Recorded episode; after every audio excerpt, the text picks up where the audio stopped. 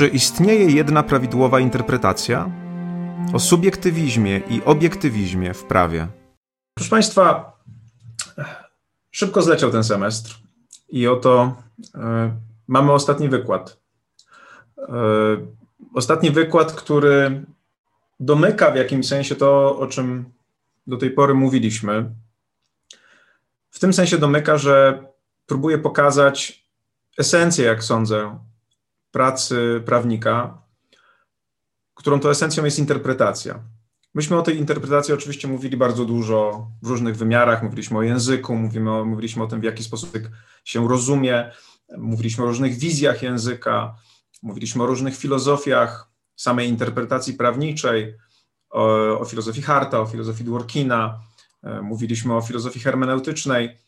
Dlaczego tak wiele mówiliśmy o kwestiach interpretacji? Dlatego, że jak powiedziałem, to jest esencja naszej pracy. Tak naprawdę idea tego, co robimy, polega na tym, żebyśmy mogli wykonać pracę tłumacza, to znaczy, żebyśmy mogli zrozumieć dokładnie to, co mówi do nas prawodawca, a następnie przełożyć to albo na język zrozumiały dla naszych klientów, albo na pewien świat, na pewną wizję świata, która jest w pewnym sensie produkowana przez prawo, bo przecież jeżeli prawodawca daje nam do ręki tekst prawny, to ten tekst prawny jest w jakimś sensie projektem świata, jest pewną wizją rzeczywistości, która ma się zrealizować, dosyć utopijną wizją rzeczywistości, czyli taką, w której ludzie jeżdżą 50 km na godzinę, e, kto, kto zabija człowieka zawsze podlega karze, e, a Rzeczpospolita Polska jest demokratycznym państwem prawnym, które urzeczywistnia zasady sprawiedliwości społecznej. Ta wizja świata, ona się realizuje zawsze przez jakichś ludzi, to znaczy przez nas, przez prawników, którzy tak jak mówię, pełnią fun funkcję tłumaczy, to znaczy muszą zrozumieć tę wizję, muszą dobrze ten tekst przeczytać, całościowo ten tekst przeczytać, e, a później go wdrożyć. Na przykład ci z nas, którzy będą pełnić rolę sędziów, czy w jaki, jakiś inny sposób będą egzekwować prawo, ich rolą jest to, żeby te słowa tego tekstu właśnie przemieniły się w pewną rzeczywistość, żeby ludzie, którzy nie dostosowują się do tego wzorca, czyli jeżdżą szybciej niż 50 km na godzinę albo zabijają, zostali ukarani i mamy nadzieję, że dzięki temu tego więcej robić nie będą.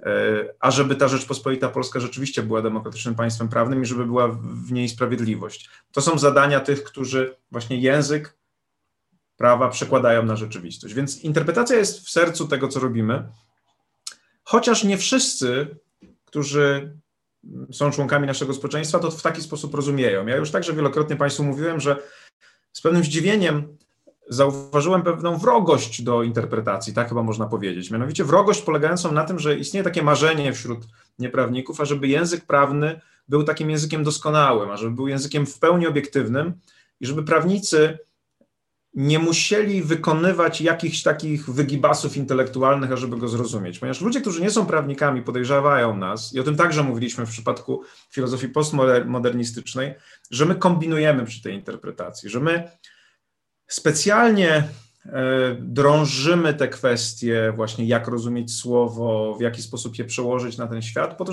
żeby uzyskać pewną władzę.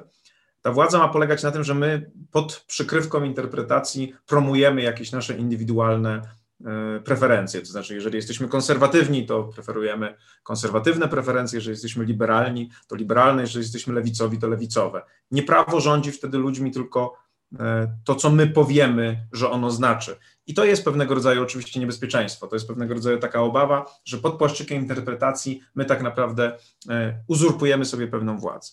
Więc ja ten wykład chcę poświęcić temu zagadnieniu, które jest w sercu tych dyskusji. To znaczy, czy język może być obiektywny, czy też w sposób nieuchronny musi być subiektywny. Jeżeli byśmy doszli ewentualnie do wniosku, że on jest jednak subiektywny, że w, pewnym, w jego rozumieniu pewną rolę odgrywają właśnie takie osobiste preferencje, to w jaki sposób zrobić tak, ażeby y, ten, ten subiektywizm nie zniszczył funkcji prawa, jaką jest jednak transmisja pewnych wartości od prawodawcy e, do świata, i ażeby te sposoby interpretowania były jednak w jakimś sensie podobne.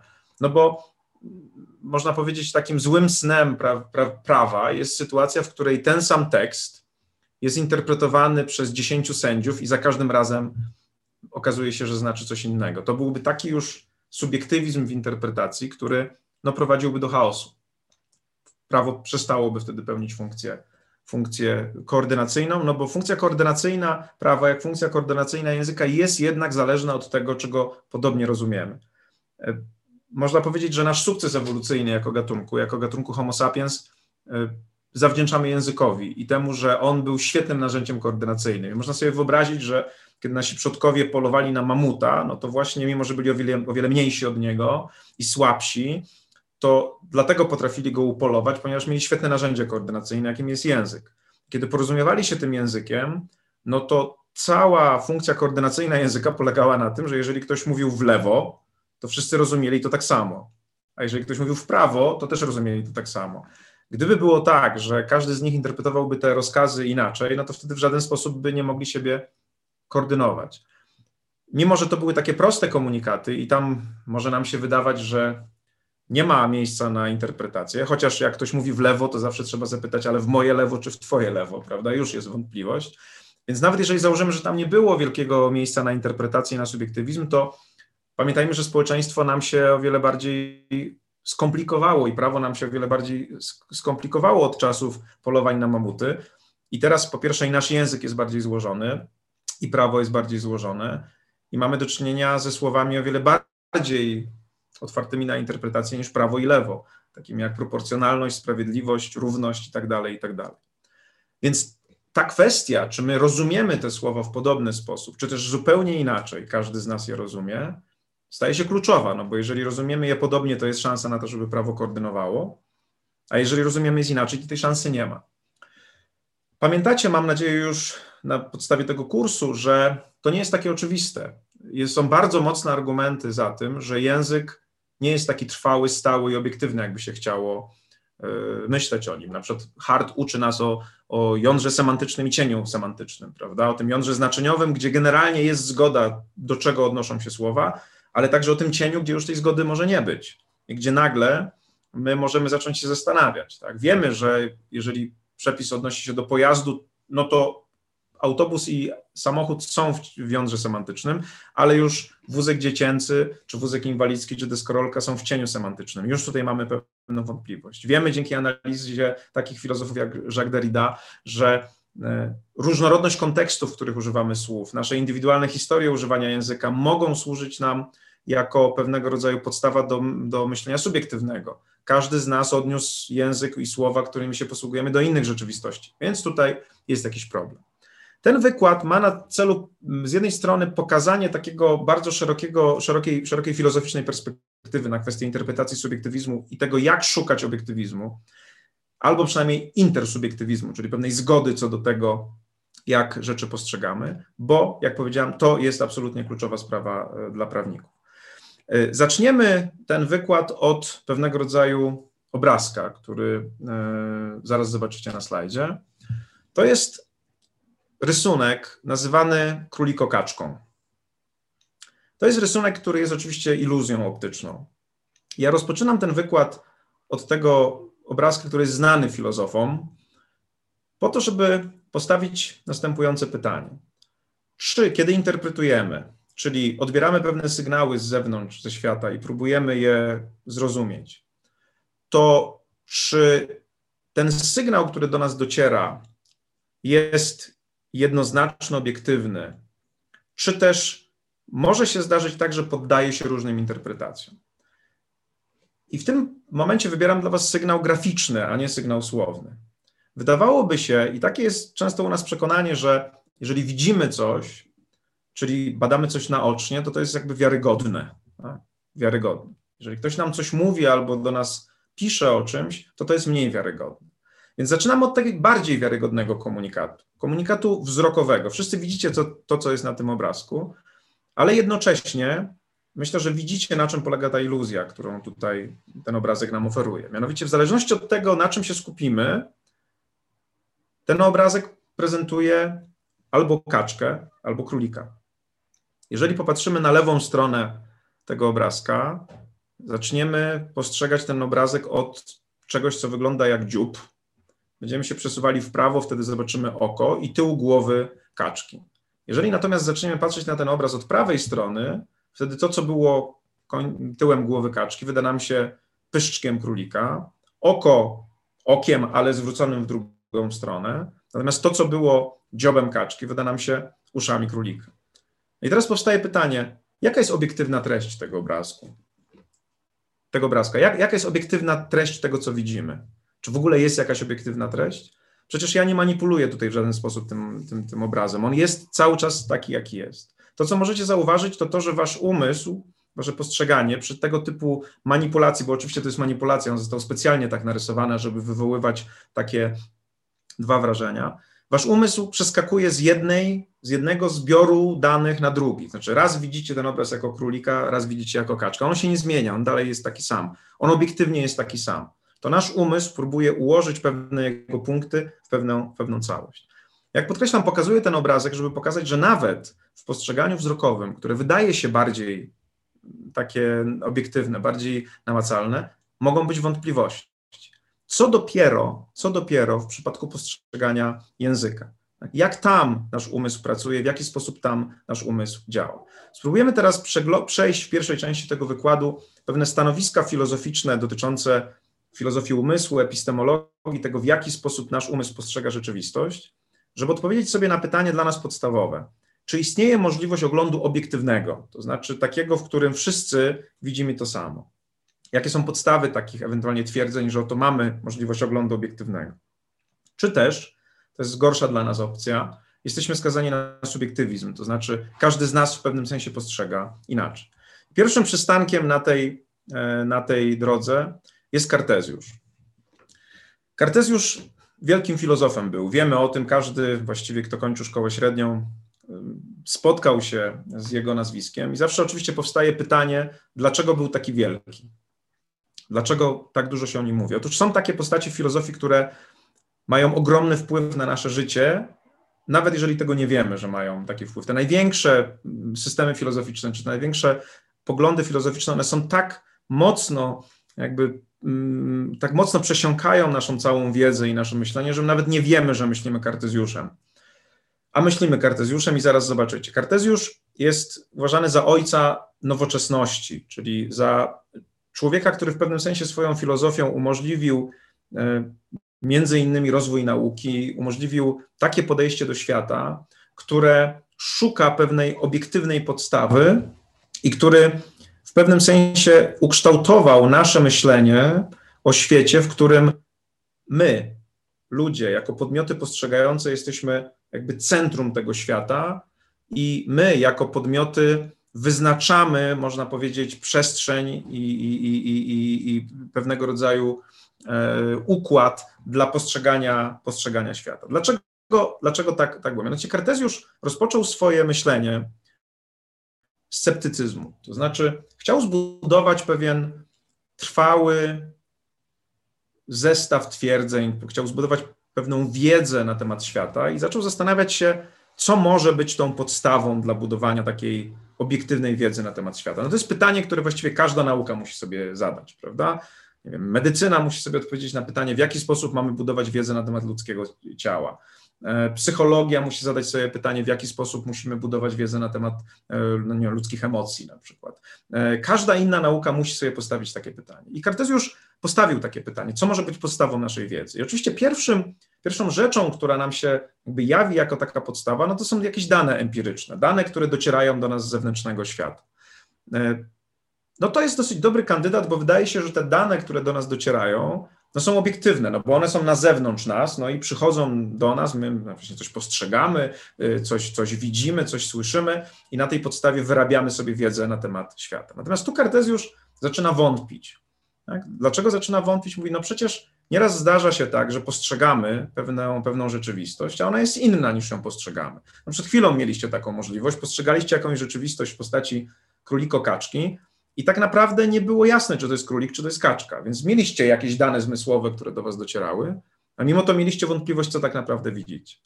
już mówi, przecież zdarza się tak, że widzę kij w wodzie, który w rzeczywistości jest prosty, ale ja go postrzegam jako załamany pod powierzchnią wody. Y, przecież zdarza się tak, że nieraz coś mi się śni i śni mi się w sposób tak realistyczny, że na przykład strasznie się boję albo i budzę się spocony, e, dlatego że mm, właśnie strasznie się czegoś wystraszyłem. Rzecz, którą widziałem, była tak realistyczna, że dałbym się mm, pokroić za to, że ona była, że ona była prawdziwa. Pyta Kartezjusz, skąd wiem, że kiedy mówię ten wykład, kiedy prowadzę ten wykład, czy kiedy piszę to, co piszę, to nie śnię. Bo kiedyś śniło mi się, że prowadzę wykład i że jestem do niego nieprzygotowany i to spowodowało bardzo poważny stres. Mogę przecież też mieć halucynacje. Co się wtedy dzieje? Są ludzie, którzy z powodu choroby psychicznej albo na przykład zażycia jakichś środków odurzających mają halucynacje, więc mają jakieś dane, które przychodzą z zewnątrz y, i one wcale nie są wiarygodne. I one wcale nie są wiarygodne. I tak idąc po kolei tą drogą sceptycyzmu, Kartezjusz mówi, właściwie nigdy nie mogę być pewien, czy to, co do mnie przychodzi z zewnątrz, mnie nie oszukuje, czy, czy mój jakby własny umysł w jakimś zakresie mnie nie, nie, jest, nie jest manipulowany i mnie nie oszukuje. To był XVII wiek, więc Kartezjusz w swojej pracy sformułował taką wizję e, złośliwego demona, który być może mnie oszukuje. Mówi Kartezjusz, skąd mam wiedzieć, że nie istnieje taki demon, który się ze mną bawi, który tak naprawdę oszukuje moje zmysły. Po wielu, wielu latach tę wizję kartezjańskiego demona w zupełnie nowej, bardzo interesującej wersji wykorzystali autorzy, reżyserzy filmu, filmu Matrix, którzy pokazali rzeczywistość, która wydaje się nad wyraz realna, która, w której ludzie wydaje, wydaje im się, że żyją, ją postrzegają, że ona jest namacalna, a jednak okazuje się, że nie jest, że jest tylko pewnego rodzaju e, wytworem e, właśnie złośliwego demona, pewnej maszyny, która łudzi ludzi, tak? która, która ich mami w taki oto sposób, że prezentuje im pewną wizję rzeczywistości, jakby mami ich umysły, wydaje im się, że w tej rzeczywistości żyją, a tak naprawdę nie. Tak naprawdę są podłączeni do jakichś przewodów i tylko im się śni, że żyją. Więc ta wizja kartezjańska takiego umysłu, który jest oszukiwany, ona jest bardzo, bardzo, bardzo ciekawym takim, takim podejściem, które pokazuje, że właściwie niczego nie możemy być pewni. No i Kartezjusz dochodząc do, do dna tak naprawdę na tej drodze sceptycyzmu, mówiąc już na niczym się nie mogę oprzeć, bo wszystko może być iluzją, wszystko może być halucynacją, dochodzi do tego swojego słynnego sformułowania, które też zapewne wiele razy słyszeliście, myślę więc jestem, cogito ergo sum. Co ono oznacza dla nas tak naprawdę i co ono oznacza dla myślenia o, o filozofii, o umyśle? Mianowicie Kartezjusz mówi tak, jestem bezradny, być może jestem oszukiwany w każdej sytuacji. Niczego nie mogę być pewien. Być może mi się coś śni, być może to jest halucynacja, ale jest jedna rzecz, której muszę być pewny, albo której, co do której nie mogę być oszukiwany. Nawet jeżeli jestem oszukiwany, to ja jestem oszukiwany. Nawet jeżeli wydaje mi się, że coś mi się myśli, to mnie się wydaje. Nawet jeżeli jest ten demon, który, który oszukuje, to to w pewnym sensie koniecznie wymaga, żebym ja był. Innymi słowy, jedyną pewną rzeczą w tym całym świecie jest to, że istnieje poznający podmiot. Tak? Być może jest oszukiwany, być może nie ma dostępu do obiektywnej wizji rzeczywistości, ale jest. Tak? Ale jest. Stąd myślę, więc jestem, jest wyrazem przekonania, że u podstawy budowania naszej wiedzy o świecie istnieje przekonanie, niezaprzeczalne przekonanie, że istnieje podmiot, który ten świat postrzega czyli takie kogito, czyli poznający podmiot, umysł, który, który, który w, kontakcie z tym światem jest. I teraz dlaczego to jest takie ważne? Dla, I dlaczego tak bardzo to ukształtowało wizję myślenia, którą, jak powiedziałem, jesteśmy przesiąknięci? Mianowicie dla Kartezjusza w całym porządku poznania ten człowiek, jego umysł i kogito jest, jest absolutnie początkiem e, i, i podstawą wszystkiego. To oznacza, że wizja kartezjańska to jest taka wizja, w której jest podmiot, i jest świat, który jest na zewnątrz tego podmiotu. I ona być może nawet w sposób nieuświadomiony przyjmuje, że istnieje jakiś obiektywny świat, który z zewnątrz można postrzegać, no bo zaczyna się to wszystko od tego podmiotu i on idzie tą swoją drogą sceptycyzmu i próbuje ustalić, czy to, co widzi, jest halucynacją, czy prawdą. W pewnym sensie próbuje to weryfikować, ale od niego się wszystko zaczyna i ten świat jest na zewnątrz. W ten sposób Kogito przyjmuje taką wizję punktu widzenia Boga, można powiedzieć. Kogoś, kto jest na zewnątrz świata i ma ogląd, który w pewnym sensie jest oglądem obiektywnym. E, można powiedzieć, że ta wizja jest wizją, która stoi u podstaw wszelkiego rodzaju nauk ścisłych. To znaczy, założenie jest oczywiście takie, i ono jest słuszne w wielu miejscach, że naukowiec jest na zewnątrz rzeczy, którą ogląda, postrzega i w związku z tym może przyjąć od niej niezależny punkt widzenia i może ją oglądnąć ze wszystkich stron i uzyskać pewien obiektywny ogląd. Tak? Lekarz może przyjąć taką relację w stosunku do ludzkiego ciała, e, fizyk może przyjąć taką relację w stosunku do jakiejś rzeczywistości materialnej, chemik może przyjąć taką perspektywę co do związku chemicznego. To pozwala przyjąć pewną zobiektywizowaną pozycję, w której postrzega się rzeczywistość. E, I tutaj powstaje pierwsze pytanie, które e, dla nas jest bardzo istotne. Czy tak samo postrzegamy rzeczywistość, która nie jest rzeczywistością niezależną od człowieka, tylko jest wytworem człowieka, na przykład jego słowa, jego myśli, jego obrazy. I tutaj, jak zaraz zobaczycie, pojawia się podstawowy problem, czy wizja kartezjańska z tym niezależnym oglądem da się zastosować do czegoś więcej niż nauk ścisłych? Czy można, może być zastosowana do nauk humanistycznych, do nauk nauk y, społecznych. Jak zaraz zobaczymy, wizje filozofów pokartezjańskich wskazują, że to jest niezwykle utrudnione, że tak naprawdę to, to, to przyjęcie zewnętrznej, niezależnej pozycji wobec pewnej rzeczywistości jest niezwykle trudne, dlatego że my nie mamy takiej pozycji. Chociażby z tego powodu, że jesteśmy urodzeni w konkretnym miejscu i czasie i mamy ograniczoną możliwość poznawania świata, i w tym momencie i w tym czasie, w tym kontekście, w którym jesteśmy, ten kontekst wpływa na nasz punkt widzenia. Tak? Inaczej y, takie, taką rzeczywistość, jak chociażby psychologia ludzka, potrzeby ludzkie, moralność, y, prawa także, postrzega osoba urodzona w wieku XXI i osoba urodzona w wieku XV. Być może wizja y, chemika, czy wizja fizyka, czy wizja lekarza aż tak bardzo się nie różnią, bez względu na to, czy ktoś się urodził w wieku XIX w państwie narodowym z wizją pozytywistyczną prawa, E, gdzie mm, kobiety nie mają na przykład praw y, publicznych, pełni praw publicznych, gdzie ludzie innych ras niż biała nie mają innych praw publicznych i człowiek, który jest urodzony w XXI wieku, kiedy to wszystko wygląda już zupełnie inaczej. Krótko mówiąc, powstaje tutaj podstawowe pytanie, czy ten zewnętrzna pozycja, uprzywilejowana pozycja kogito stosuje się tak samo do nauk ścisłych, jak do nauk humanistycznych i społecznych? Czy czasami nie jest tak, że ten obiektywizm, który w jakimś sensie obiecuje Kartezjusz, nie jest mrzonką w przypadku, kiedy chodzi o poznawanie wytworów ludzkiego umysłu, bo wtedy każdy z nas wobec tych wytworów nie jest przy, nie jest w zobiektywizowanej zewnętrznej pozycji, tylko jest jakby w środku tego, czego, co bada, czyli nie jest na zewnątrz, może sobie to oglądnąć, tylko jest w środku.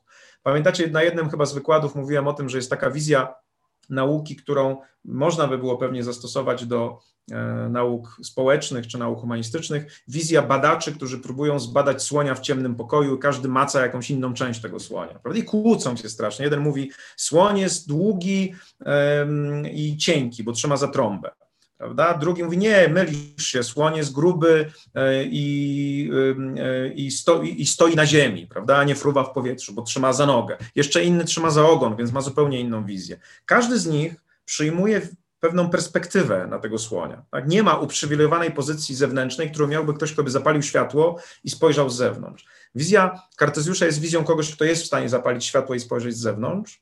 I w niektórych przypadkach, być może nauk ścisłych, jest to możliwe, Natomiast wizja nauk społecznych czy nauk humanistycznych, które są jakby zaangażowane w badanie rzeczywistości, które człowiek sam tworzy, jest wizją nieuprzywilejowaną. Często jest wizją, gdzie ta perspektywa, którą przyjmuje się, jest o wiele bardziej, o wiele bardziej wpływa na subiektywizm. Zresztą, jak wiemy, ostatnie, no nie, nawet nie ostatnie, ale badania dotyczące fizyki kwantowej potwierdzają, że nawet w przypadku fizyki, która się wydaje takim prototypem nauki ścisłej, to też nie jest takie oczywiste, bo okazuje się, że w zależności od obecności badacza lub jego nieobecności, układ, który bada, się zmienia. Tak? Więc jeżeli jest badacz obecny, czyli jakby jest elementem układu, ten układ zachowuje się inaczej. Jeżeli go nie ma, to ten układ też zachowuje się inaczej. Czyli w pewnym sensie obserwujący wpływa na to, jak wygląda rzecz obserwowana. I to jest rzecz, o której tak naprawdę musimy porozmawiać. Jak to jest? Czy my jesteśmy w stanie przy interpretacji języka, wytworów ludzkich, takich jak właśnie sztuka, obrazy, jak język, jak poezja, jak literatura i prawo ostatecznie, mieć taką pozycję, która pozwala nam na obiektywizm. Wszystko wskazuje, że nie.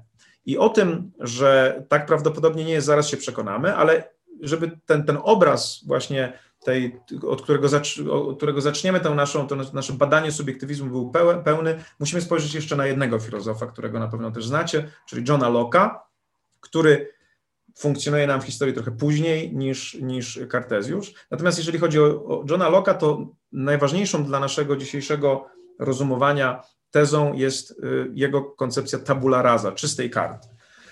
Jak pamiętacie, ta, ta koncepcja jest pewną wizją umysłu, która y, mniej więcej wygląda w taki sposób. Jest świat zewnętrzny, który ma pewne, y, z którego przychodzą do nas pewne dane zmysłowe i jest umysł. I ten umysł, mówi Locke, jest czystą kartą, w tym sensie, że on jest po pierwsze pasywny, trochę tak jak taka właśnie woskowa tabliczka, na której te dane ze świata się odbijają i pozostawiają jakieś ślady. Czyli jak przychodzimy i rodzimy się, no to jesteśmy czystą kartą i zbieramy to nasze doświadczenie i na tej podstawie mamy jakąś wiedzę. Zwróćcie uwagę, że ta wizja jest wizją pasywnego umysłu, który czeka na dane, no i właściwie jeżeli rzecz, która przychodzi z zewnątrz się w nim odbija, no to pozostawia pewien ślad, i nie ma powodu, żeby myśleć, że jeżeli odbije się w innym umyśle, w innej czystej karcie czy tabliczce, to tam pozostawi inny ślad. Z tego by wynikało, że wizja Loka jest wizją, która jednak liczy na pewien obiektywizm. Jeżeli wszyscy mamy czyste umysły i jeżeli rzeczywistość odbija się w nich w podobny sposób, no to jest szansa na porozumienie, bo u wszystkich, y, y, nie wiem, wizja klucza, który jest wciśnięty w wosk, zostawi taki sam ślad. No, w związku z tym te umysły będą ukształtowane podobnie. Gdyby tak było, no byłoby nieźle, bo to by oznaczało, że wszyscy jesteśmy tacy sami od samego początku i te, ta rzeczywistość, która się w nas odbija, zostawia podobne ślady. Ale nie rozwiązuje to problemu, o którym mówił między innymi Derrida, co z tą sytuacją, w której wszyscy mamy inne doświadczenia. Wtedy te nasze umysły, im więcej doświadczeń zbierają, tym się bardziej różnią. Tak? U mnie się coś odciska i u was się coś odciska. Jeżeli w waszej indywidualnej historii odcisnęły się inne rzeczy, i u mnie odcisnęły się inne rzeczy, no to nasze umysły się oddalają od siebie, a nie zbliżają. I im więcej doświadczamy, tym tak naprawdę mamy mniejszą szansę na porozumienie. W pewnym sensie można było powiedzieć, że to prowadzi do wizji Derridy, że jeżeli nasze indywidualne ścieżki doświadczenia są inne, no to wtedy i nasze umysły są inne. I teraz na Kartezjusza i na Loka przychodzi moment, w którym pojawia się na scenie filozoficznej być może najwybitniejszy w ogóle filozof, który kiedykolwiek żył, czyli Immanuel Kant. Już Wam mówiłem o tym, że jeżeli naprawdę nie macie czasu, doświadczeni filozofowie mówią, że mm, najlepiej przy braku czasu, a chęci studiowania filozofii przeczytać Arystotelesa i Kanta. I to wystarczy generalnie, bo to pokryje większość rzeczy, które, o których filozofowie mówią. No i w związku z tym ponownie powstaje pytanie, cóż takiego wielkiego było w tym Kancie, że tak go wszyscy hołubią i uważają, że jest tak ważnym e, filozofem. Otóż Kant rzeczywiście wielkim filozofem był, między innymi dlatego, że zmienił zupełnie nasze myślenie o tym, w jaki sposób my postrzegamy rzeczywistość. E, zmienił nasze myślenie o tym, jak funkcjonuje umysł.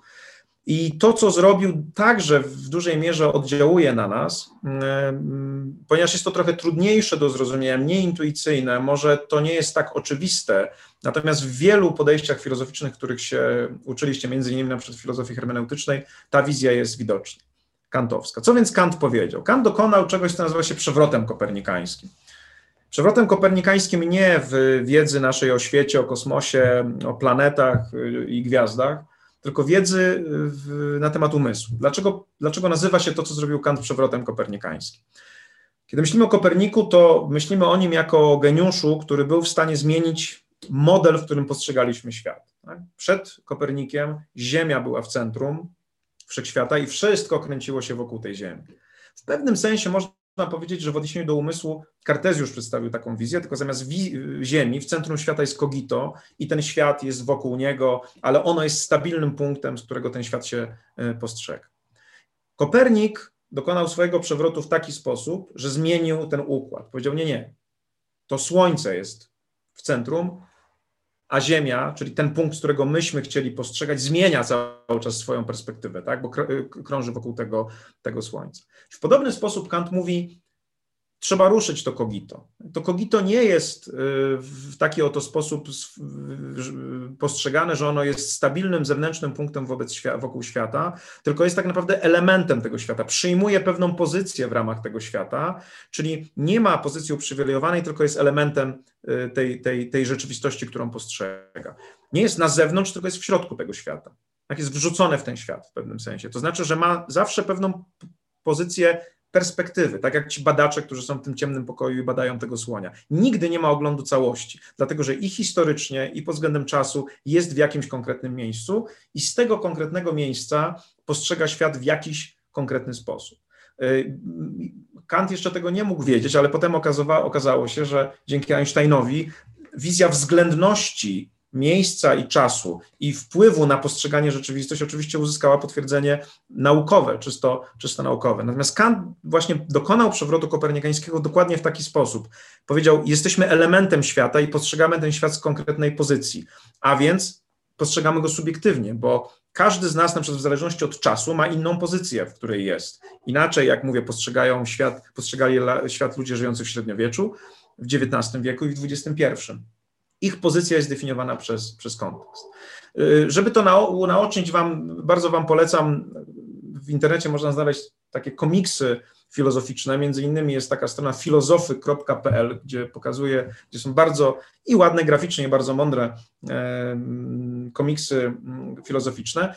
Jeden z tych, jedna z serii tych komiksów dotyczy właśnie, dotyczy właśnie Kanta i tutaj macie y, na tym obrazku taki komiks krótki, który pokazuje to, w jaki sposób Kant postrzegał, e, w jaki sposób Kant dokonał tego przewrotu kopernikańskiego. Czytamy na pierwszym obrazku. Tak samo jak z myślą Kopernika, który, gdy wyjaśnienie ruchów niebieskich nie chciało się udawać przy założeniu, że cała armia gwiazd obraca się dookoła widza, spróbował, czy nie, da się, czy nie uda się lepiej, jeżeli każe się obracać widzowi, natomiast gwiazdy pozostawi w spokoju. Otóż w metafizyce możemy spróbować czegoś podobnego, jeżeli chodzi o oglądanie przedmiotów. Czyli, jak widzicie, zmienia się pozycja tego, kto postrzega, a z nią rodzi się bardzo dużo mm, poważnych skutków. Mianowicie tracimy tą obiektywną pozycję cogito i zaczynamy przyjmować pozycję, która ma charakter e, subiektywny. I z tym wiąże się bardzo dużo różnych rzeczy, między innymi podstawowa teza Kanta, która mówi, że rzeczywistości samej w sobie, taka jaka ona jest,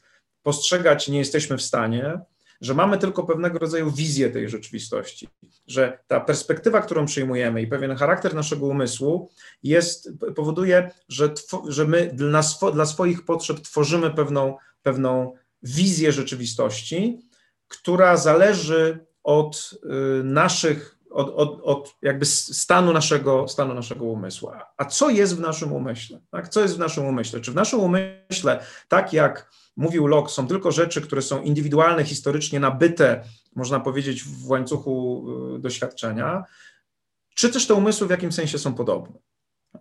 I Kant dochodzi do wniosku, że te umysły są w jakimś sensie podobne. Mimo, że postrzegają rzeczywistość z innych, z innych perspektyw, to są podobne. I tutaj zaczyna się pewnego rodzaju nadzieja, która e, zaczyna nas prowadzić z kolei od subiektywizmu do obiektywizmu. Mianowicie Kant e, e, mówi, że przekonanie Loka dotyczące tabula rasa nie jest uzasadnione. I tutaj mamy następny komiks ze strony filozofy.pl, który w interesujący, ciekawy, jasny, mam nadzieję, sposób pokazuje, cóż to takiego wielkiego Kant odkrył. Na pierwszym obrazku macie Johna Locke'a, który stoi przy malutkim dziecku i analizuje jego umysł e, i e, po zbadaniu tego umysłu wygłasza triumfalnie, panowie, dzięki tej maszynie otrzymaliśmy wgląd w umysł tego dziecka, tak jak przypuszczałem, umysł tego dziecka to tabula rasa.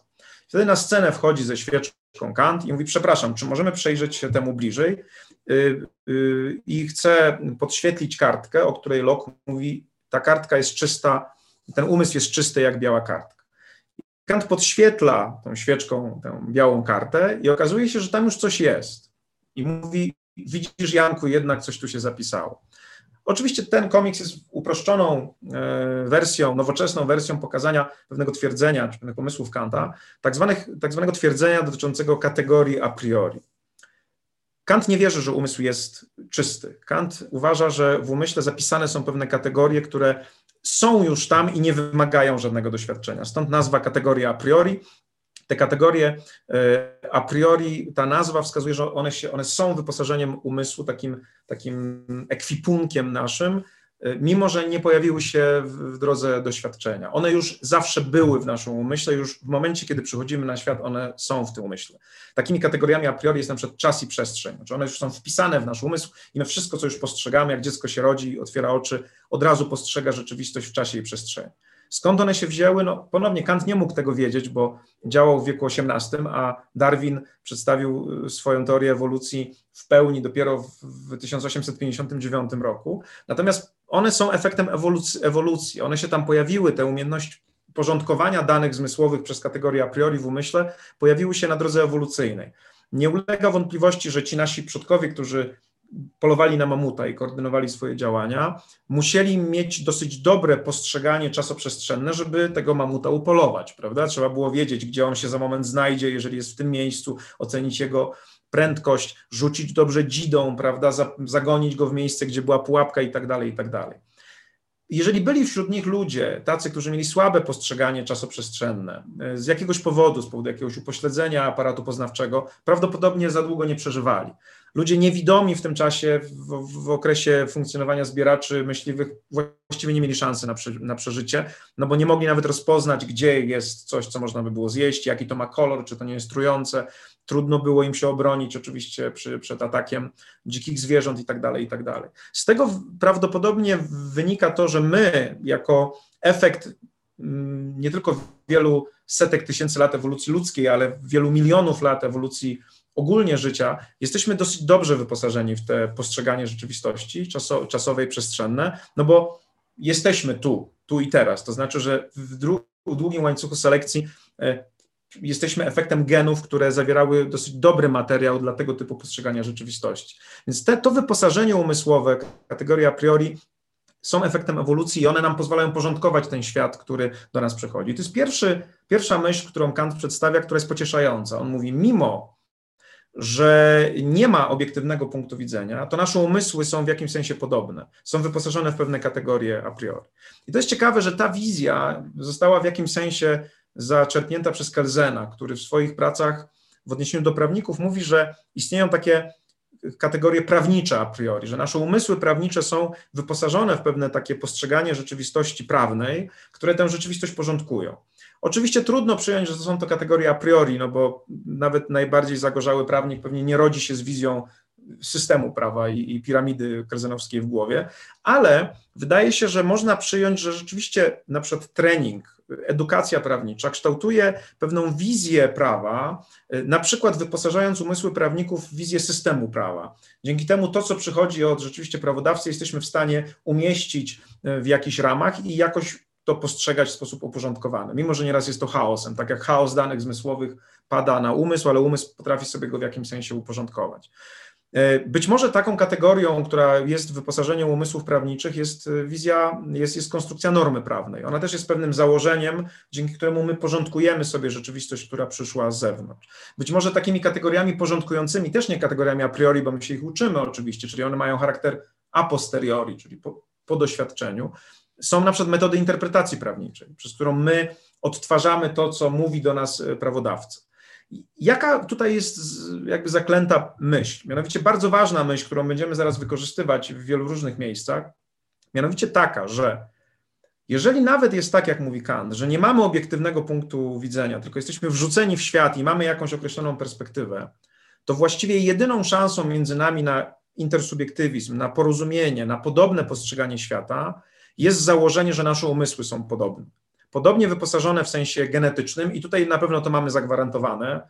Ewolucja za nas to zrobiła. Tak samo postrzegamy świat. Oczywiście są pewne różnice. Niektórzy z nas mm, chorujący na daltonizm mają na przykład inną wizję kolorów, Natomiast większość z nas postrzega kolory y, tak samo. I tak jest z większością naszego doświadczenia. To nie to, że świat jest identyczny, albo że postrzegamy go z uprzywilejowanej pozycji, powoduje, że postrzegamy go tak samo, ale to, że nasze umysły są podobnie skonstruowane. To decyduje o tym, że postrzegamy świat tak samo. Żeby wam to wyjaśnić, wrócę na moment do tej myśli, najbardziej, jednej z najbardziej znanej, znanych myśli Kanta, mianowicie, że my nie mamy dostępu do rzeczy samych w sobie. Y, to trochę pytanie, od którego zacząłem. Jaki jest obiektywnie ten obraz tej, tej króliko-kaczki? Jaki on jest? To jest obiektywnie królik, czy obiektywnie kaczka? Otóż właściwie odpowiedź jest ani to, ani to. Ten obraz jest jaki jest, a nasz umysł go raz postrzega jako kaczkę, raz jako królika. I w pewnym sensie to, to jest wizja kantowska, można powiedzieć. Kant mówi tak, nasz umysł tworzy sobie pewną, pewną symulację rzeczywistości, jest pewnym interfejsem, który nam pozwala zrozumieć poradzić sobie z rzeczywistością. Zobaczcie, czy kwiat maku, który widzicie, jest czerwony w sensie ścisłym, w sensie rzeczywistości samej w sobie? No nie, dlatego że to jest po prostu światło odbite od tej powierzchni, które przez nasz aparat poznawczy jest postrzegane jako czerwone. Inne zwierzęta, owady, mogą postrzegać ten kwiat zupełnie inaczej. On nie jest dla nich czerwony. pewnym sensie Kant mówi, tak jest z całą rzeczywistością. Nie, wiem, nie wiemy, jaka jest ta, nie wiem, jakie są te noumeny, czyli te, te, ta rzeczywistość, te rzeczy same w sobie. Mamy tylko fenomen rzeczywistości, pewną wizję tej rzeczywistości, którą wytwarza nas, nasz umysł y, poznawczy. Y, słyszymy pewne dźwięki, a innych dźwięków nie słyszymy. Czy można powiedzieć, że te dźwięki obiektywnie istnieją? No, wiemy, że istnieją, dlatego że są stworzenia, które potrafią je usłyszeć. Tak? Na przykład my nie słyszymy ultradźwięków, nie słyszymy infradźwięków, ale jesteśmy już na tyle wyspecjalizowani, że potrafimy je zmierzyć. Ale są zwierzęta, które potrafią je słyszeć. Więc tak naprawdę to, czy one istnieją, czy nie istnieją, nie jest tak bardzo istotne. Najistotniejsze jest to, czy my jesteśmy w stanie je postrzegać, bo tylko wtedy z nimi jesteśmy w stanie e, coś zrobić. Więc ta wizja Kanta która nieraz jest trudna do zrozumienia, ona, ona jest bardzo ważna do tego, żebyśmy ją przyswoili. Mój kolega, wybitny filozof prawa Artur Kozak, miał taką genialną metaforę, która pokazywała, że wizję kantowską da się przedstawić e, na podstawie funkcjonowania komputera. Mianowicie, rzeczywistość sama w sobie to są jak te wszystkie procesory, te kości komputera, które są w środku. Jeżeli nie jesteście informatykami, to generalnie nie wiecie, co tam się dzieje. Ja też nie wiem, co tam się dzieje. Jakaś tajemnica tam ma miejsce. Ale Komputer ma e, system operacyjny, który jest takim przyjaznym interfejsem, dzięki któremu ja jestem w stanie te procesory i te kości, które są w środku, wykorzystywać. Mimo, że w ogóle nie wiem, co tam się z nimi dzieje. Jak mi padnie system operacyjny, to nic z tym nie zrobię. Komputer dla mnie jest bezużyteczny.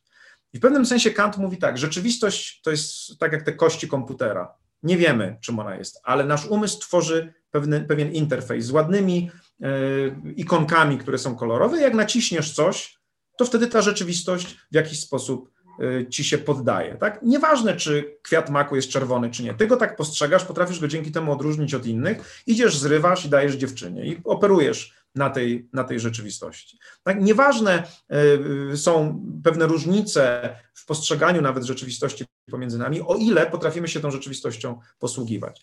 O ile nasz system operacyjny działa. Ten, za, za wytworzenie tego systemu operacyjnego odpowiedzialny jest nasz umysł, a ponieważ genetycznie jest on podobny, ma podobne kategorie a priori, to już jest dobra informacja, a dodatkowo jeszcze, i to jest dla nas szczególnie informacja, także kategorie a posteriori, które są w naszym umyśle, czyli te, które wynikają z kształcenia, na przez doświadczenia, mogą być sterowalne.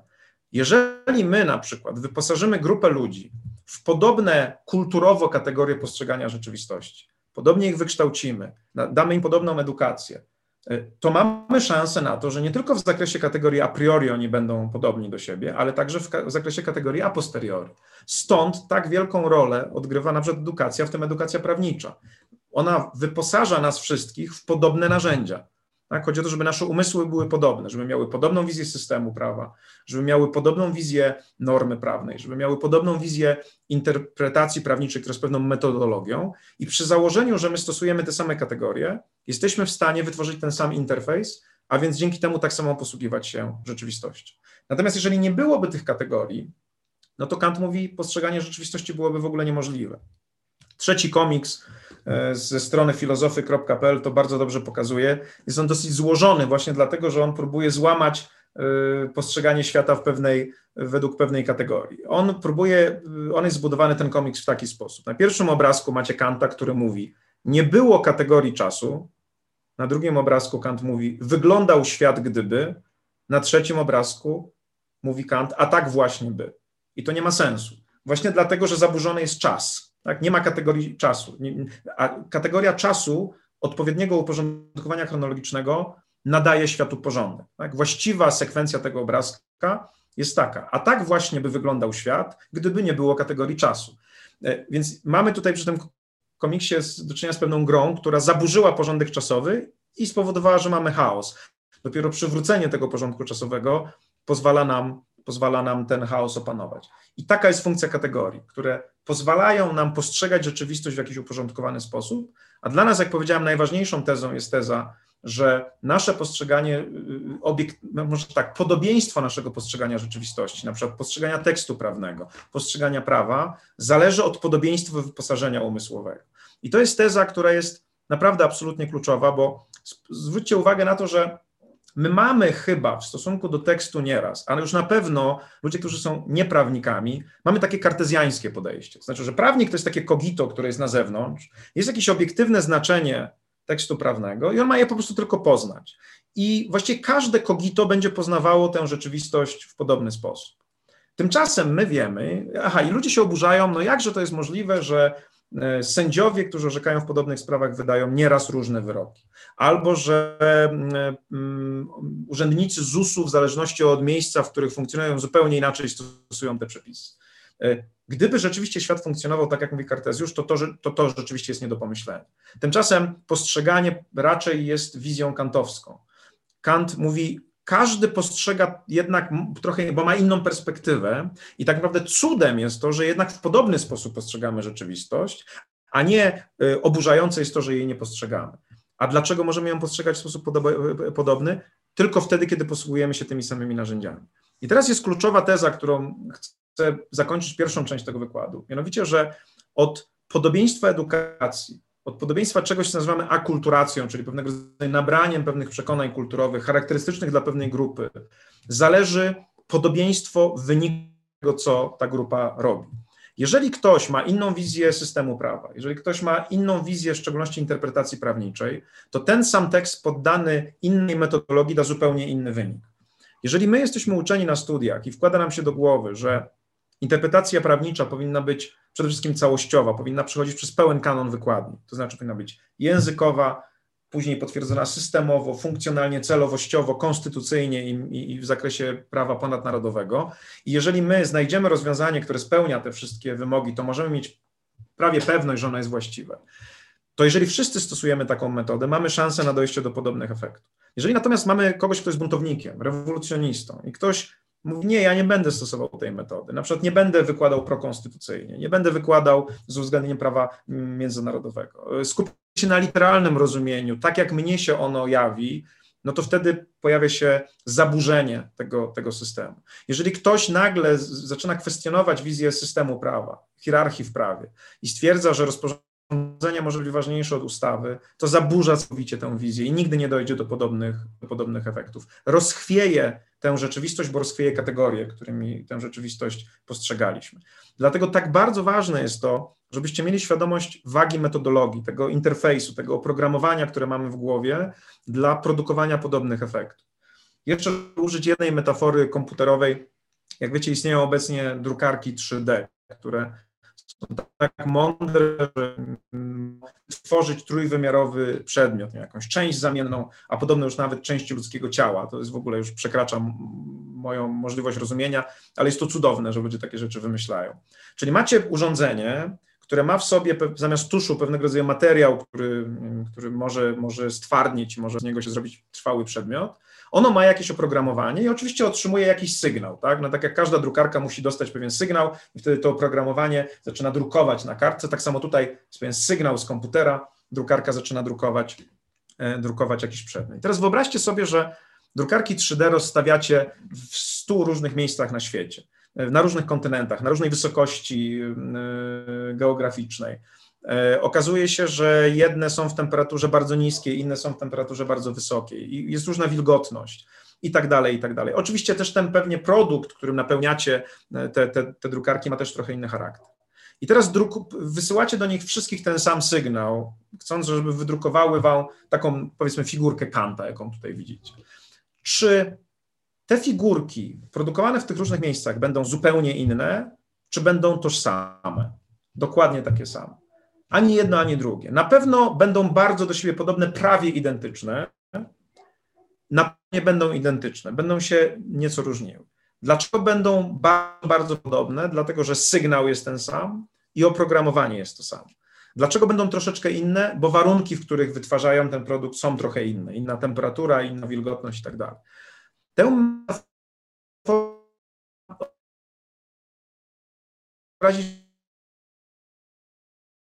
Sygnałem, który otrzymujemy, jest tekst prawny, to co powiedział prawodawca.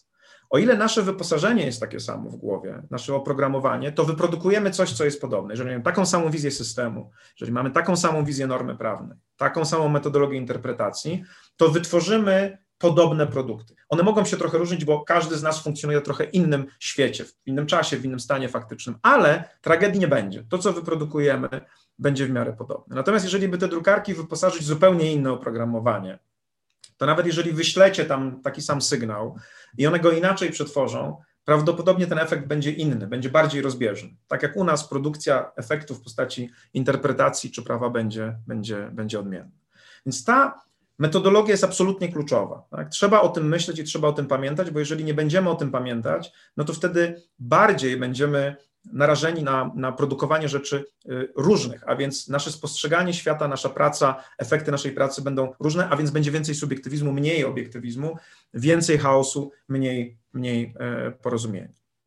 Więc obraz, który widzicie, jest ponownie iluzją e, optyczną, trochę podobną do tej króliko-kaczki. Jest to obraz, który jest zatytułowany Moja żona i moja teściowa. E, jest on zatytułowany w taki sposób, ponieważ przedstawia kobietę, ale w zależności od tego, jak popatrzycie na tę iluzję, będzie to kobieta albo młoda, albo starsza. E, kobieta młoda pojawi Wam się wtedy, kiedy popatrzycie bardziej w lewą stronę, zobaczycie wtedy kobietę, która jest odwrócona do nas e, profilem, widać jej nos, widać jej podbródek, jakiś toczek na głowie i, i pióra. Natomiast jeżeli bardziej przeniesiecie wzrok w prawą stronę, zobaczycie bliżej nas kobietę starszą. To, co było podbródkiem kobiety młodej, jest nosem kobiety starszej, to, co było naszyjnikiem młodej kobiety, jest ściśniętymi ustami kobiety starszej, więc rzeczywiście moja żona i moja teściowa. Oczywiście ponownie mamy do czynienia z obrazem, który jest cały czas taki sam, on się nie zmienia. Natomiast ponownie możecie zaobserwować aktywność waszego umysłu, polegającą na tym, że oto w zależności od tego, wasz umysł aktywnie, jak mówi Kant, wychodzi do tej rzeczywistości i tworzy jakiś fenomen tej rzeczywistości. Przeskakujecie, można powiedzieć, z jednego na drugi. Jednym, w jednym momencie jest to fenomen, który jawi wam tę rzeczywistość jako kobietę młodą, tę samą, bo przecież to są te same znaki, w innym momencie jako kobietę starszą. Jaka jest ta rzeczywistość? Nie wiemy, ale to nie ma znaczenia. Ważny jest ten fenomen, który się na moment pojawia i za chwilę się zmienia. Z, z, rzeczywistością normalną tak nie jest, bo ten obraz jest specjalnie tak zbudowany, żeby wywoływać tę iluzję, ale on dobrze nam pokazuje, że w dużej mierze Kant ma rację. Na tym polega nasze postrzeganie rzeczywistości. To nie jest tak, że jesteśmy pasywnym umysłem, który czeka, aż coś do nas przyjdzie, tylko poddajemy pewne dane interpretacji, składamy je w pewną całość i w taki sposób one nam się, one nam się jawią, a fakt, że widzimy na tym obrazku tylko dwie możliwości, to znaczy albo młodą kobietę, albo starszą kobietę, a nie milion różnych potencjalnych układów, które by nam kompletnie uniemożliwiły porozumienie, ten fakt jest uzależniony od tego, że nasze wyposażenie mentalne jest podobne.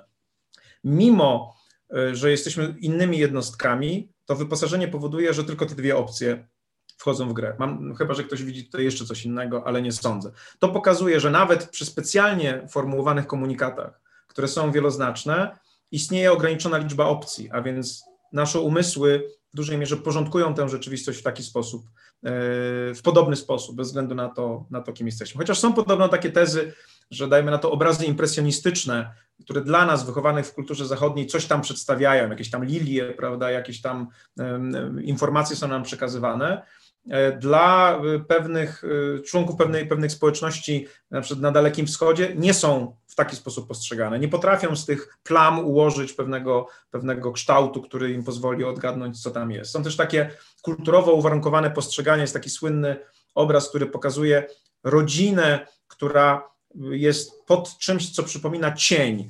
I dla ludzi, którzy są wychowani od dziecka w domach, a więc y, głównie na północy, y, tam gdzie mieszka się wewnątrz, ponieważ generalnie jest zimno na zewnątrz, y, ta rodzina jawi się jako rodzina stojąca w kącie domu. Natomiast dla tych osób, które są, yy, żyją w ciepłejszych krajach, zwłaszcza w Afryce, gdzie normalną sprawą jest funkcjonowanie na zewnątrz, mieszkanie na zewnątrz, ta, ta rodzina jawi się jako stojąca pod drzewem, bo ten cień jest specjalnie tak dwuznacznie zrobiony. To są wszystko, to wszystko pokazuje tę tezę, że my porządkujemy tę rzeczywistość w zależności także od swoich doświadczeń kulturowych, od swojej edukacji, od swojego doświadczenia i dlatego tak bardzo ważne jest, żeby pilnować kanonu, a żeby myśleć takimi samymi kategoriami, bo tylko wtedy liczba opcji, które wyprodukujemy, będzie, będzie ograniczona. E, I teraz przechodzę do drugiej części tego wykładu, natomiast może są jakieś pytania dotyczące tej części, którą teraz zakończyłem, która oczywiście była trochę abstrakcyjna, ale mam nadzieję, że ona, jak zaraz zobaczycie, będzie, będzie ciekawym, ciekawym wstępem, wprowadzeniem do tego, co w tej drugiej części chcę powiedzieć. Czy są jakieś pytania?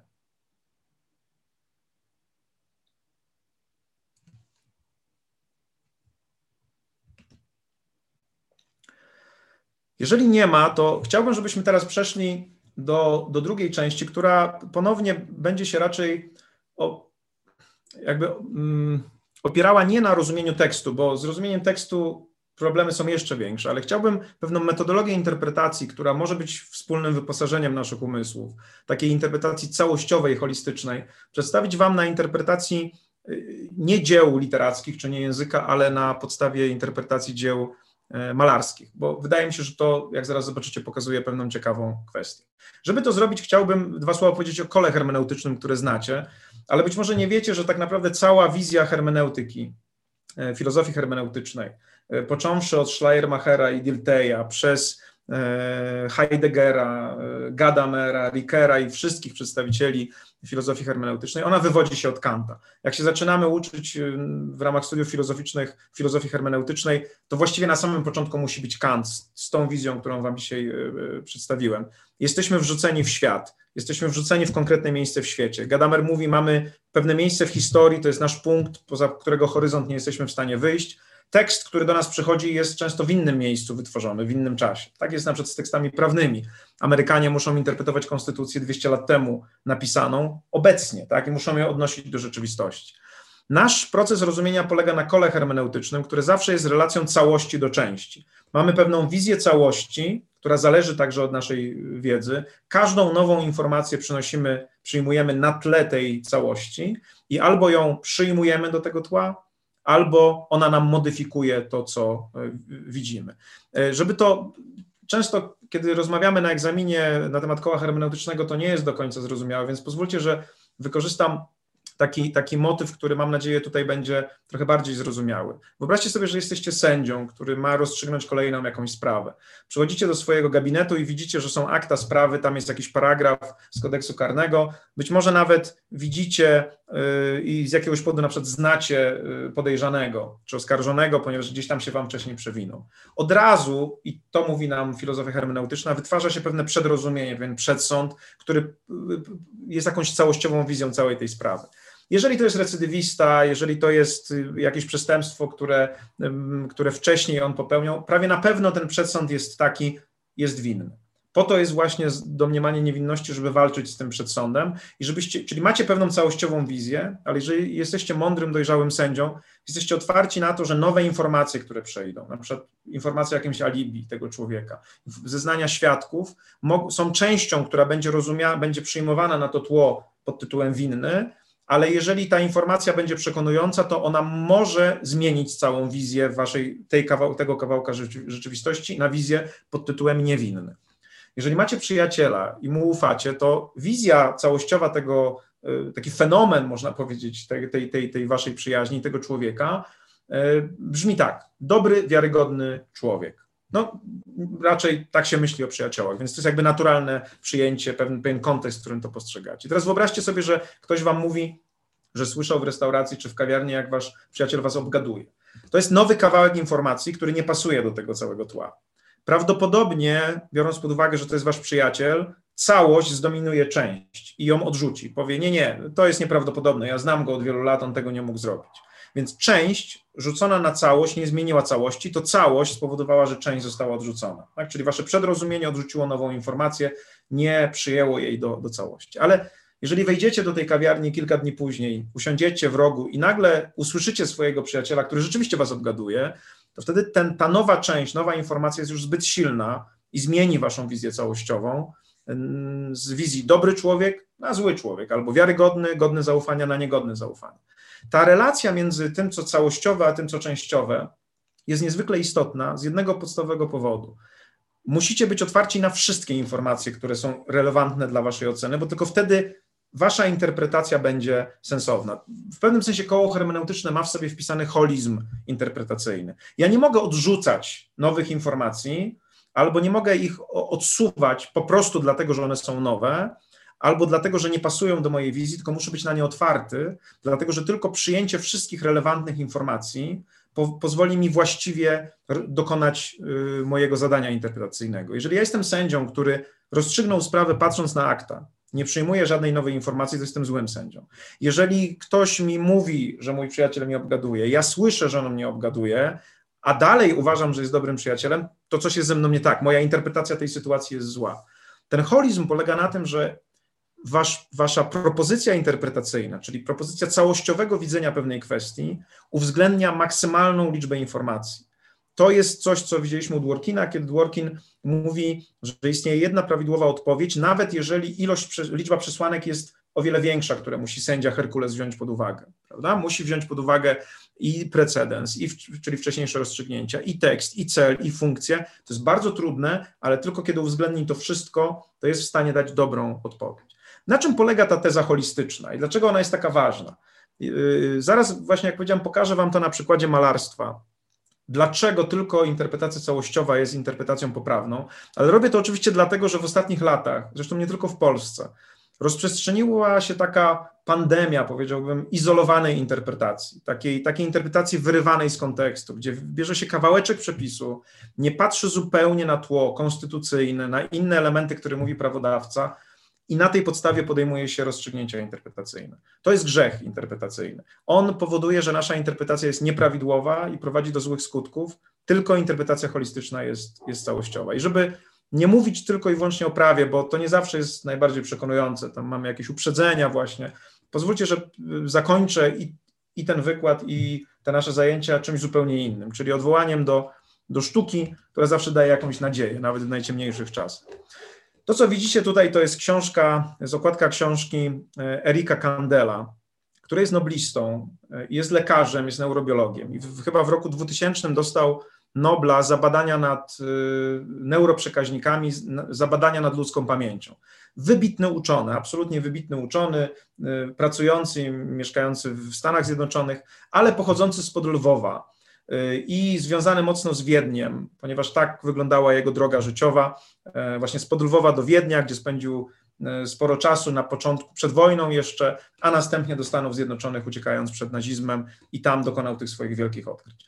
I ta książka The Age of Insight, czyli jakiś taki wiek wglądu w rzeczywistość, to jest, to jest książka, która jest absolutnie fantastycznym takim z jednej strony jego wspomnieniem o Wiedniu y, z początku XX wieku i refleksją nad nad tym, tym genialnym miejscem, w którym w jednym momencie znalazł się Freud, Wittgenstein, Hitler, Klimt, Kokoszka i mnóstwo ludzi, którzy byli absolutnie fantastycznie uzdolnieni, i Kandel też oczywiście.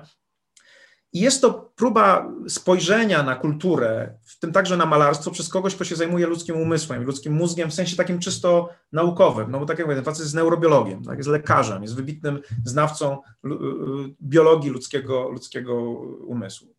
Fantastyczna książka, niezależnie od wszystkiego polecam wam ją. I w tej książce Kandel podejmuje takie właśnie pytania, w jaki sposób ludzki umysł na przykład czyta obraz, prawda? Tu widzicie fragment obrazu, e, obrazu mm, e, e, Klimta. Jeżeli dobrze pamiętam, kto wie, czy to nawet nie jest siostra Wittgensteina. Jak pamiętacie, rodzina Wittgensteina to była rodzina bardzo bogatych przemysłowców. W związku z tym ojca Wittgensteina było stać na to, żeby poprosić Klimta o zrobienie portretu ślubnego swojej, swojej córki. Ale Kandel w tej książce przeprowadza bardzo ciekawe analizy w wielu wymiarach. Pokazuje właśnie ten fantastyczny Wiedeń, który kwitł w tym czasie. Mówi o malarstwie, o tym, jak ludzki umysł to malarstwo postrzega. I poddaje analizie obraz, który jest bardzo znanym obrazem Gustawa Klimta, obraz pod tytułem Judyta i Holofernes. Ten obraz tutaj widzicie na, na tym, na tym e, slajdzie. Ja go pokazuję po to, ponieważ jest on także jakimś zadaniem interpretacyjnym, jest on jakimś przekazem. Tak? Nie jest przekazem testowym, tekstowym, nie jest przekazem językowym, ale jest jakimś przekazem. Ktoś do nas coś mówi. Autor, Klimt, coś chciał nam przekazać. Tak? Namalował pewne znaki, namalował pewne, użył pewnych kolorów, podpisał nawet, prawda, ten obraz, ma, macie u góry wskazanie, że to jest Judyta i Holofernes, więc stawia przed nami zadanie interpretacyjne. Tak? Zadanie interpretacyjne. I teraz w jaki sposób my możemy stwierdzić, czy interpretacja tego obrazu jest prawidłowa czy nieprawidłowa. Czy powinniśmy przyjąć, trochę tak jak przyjmuje Derrida i postmoderniści, że właściwie każda interpretacja jest dowolna, to jest dzieło sztuki, każdy może w nim zobaczyć, co chce. Właściwie są tacy, którzy mówią, że jeżeli chcielibyśmy ustalać jakąś, jakieś rozumienie tego obrazu, to bylibyśmy faszystami, komuś narzucalibyśmy w formie opresji naszą interpretację. Kandel poddaje analizie ten obraz i dochodzi do pewnego rodzaju konkluzji, ale ja bym chciał, żebyśmy przeszli przez, przez takie kilka możliwych interpretacji, które można by było sobie tutaj stworzyć, w zależności od tego, kim jesteśmy i jaką mamy wiedzę. Wyobraźcie sobie, że na przykład do muzeum e, w Wiedniu wchodzi dwóch dziesięcioletnich chłopców. którzy oglądają ten obraz, zastanówcie się przez chwilę, co zwróci szczególną uwagę tych dwóch chłopców, prawda? W okresie wczesnego, powiedzmy, no może przesadziłem, dwunastoletnim, w okresie wczesnego dorastania. Prawdopodobnie będzie to po prostu nagość, Jakaś, jakaś, jakiś seksualny wymiar tego, tego obrazu. Teraz wyobraźcie sobie, że do tego samego muzeum wchodzi dwóch kibiców angielskich, którzy przyjechali na wieczór kawalerski na, do, do centralnej Europy. Jaka będzie ich reakcja? Jakie komentarze mogą paść, kiedy będą patrzyli na ten obraz? Możemy powiedzieć, że zarówno ci chłopcy, jak i ci kibice to są jakieś jednostki, które mają jakąś wiedzę, mają jakieś przedrozumienie, mają jakieś miejsce w świecie i mają jakąś interpretację tego obrazu. Derrida pewnie by powiedział, że mają prawo do takiej interpretacji. Nie wiedzą w ogóle być może, że to jest obraz Judyty i Holofernesa, nie wiedzą, kto to była Judyta i kto to był Holofernes. E, widzą to, co potrafią zrozumieć. Czyli mamy dwie pierwsze interpretacje: dziesięcioletni chłopcy i dwóch kibiców. Teraz wyobraźcie sobie, że do tego samego muzeum wchodzi jakaś pani Dulska, tak, która chce sobie kupić obraz do salonu. No i ta pani Dulska zwraca uwagę prawdopodobnie na inne elementy niż tamte osoby. Mówi, ładne złoto, bogato wygląda. Złoto, ale skromnie. Prawda? Patrzy, mówi, może by to pięknie w moim salonie wyglądało. No tylko patrzy w dół tego obrazu, jakaś tam taka okropna sina głowa, prawda, gdzieś tam wyłania się, no to można by było może jakoś odciąć, bo złoto jest fajne, takie imponujące, no ale ten obraz tej głowy taki trochę jest niepełny. Pani Dulska nie wie, kto to była Judyta i kto to był Holofernes i znowu ma swoją interpretację. Ona jest trochę inna niż tamta interpretacja, prawda, już dotyczy, y, dotyka tego, że to jest złoto, złoto dla Klimta było dosyć ważnym kolorem. E, widzi jakieś piękno tego obrazu nawet, dlatego że chciałaby go wykorzystać w swoim salonie. No więc ma jakąś też wizję tego obrazu. Czy to jest wizja znowu pełna, czy to jest właściwa interpretacja? No znowu mamy poczucie, że nie. Przede wszystkim z tego powodu, że ciągle nie ma tutaj jakiejś interpretacji, która by odniosła się do tego, kim jest ta Judyta i kim jest ten Holofernes. Tak? Ani nikt z nich o tym nie, nie powiedział, no bo w ich przedrozumieniu ta wizja w ogóle nie była obecna. Po prostu nie wiedzą, kto to jest. No i teraz wyobraźmy sobie, że wchodzi tutaj do tego samego muzeum y, znawca historii malarstwa, ale jednocześnie biblista, który wie, że Judyta była księżniczką, której historia jest opisana w Starym Testamencie, której miasto zostało zaatakowane przez chyba Asyryjczyków, których wodzem był Holofernes. Wszystko wskazywało na to, że to miasto zostanie złupione przez Asyryjczyków i wszyscy zostaną wycięci w pień. Wtedy Judyta e, wymyśliła pewien fortel e, polegający na tym, że po prostu uwiodła Holofernesa, poszła do niego do namiotu, spędziła z nim noc, a po zakończonym akcie seksualnym zdekapitowała go. No wyciągnęła miecz i odcięła mu głowę. Nas, następnie wzięła tę głowę ze sobą, wróciła do miasta i zatknęła ją na murach tego miasta. I Asyryjczycy, kiedy zobaczyli głowę swojego wodza zabitego, uciekli. W ten sposób Judyta uratowała miasto. No i można powiedzieć, że interpretacja, którą przedstawia ten biblista, jest no już taką pełną interpretacją. No jest to po prostu obraz asyryjs nie asyryjskiej, księżniczki opisanej w Starym Testamencie, która swoją odwagą e, uratowała miasto i poświęceniem oczywiście też.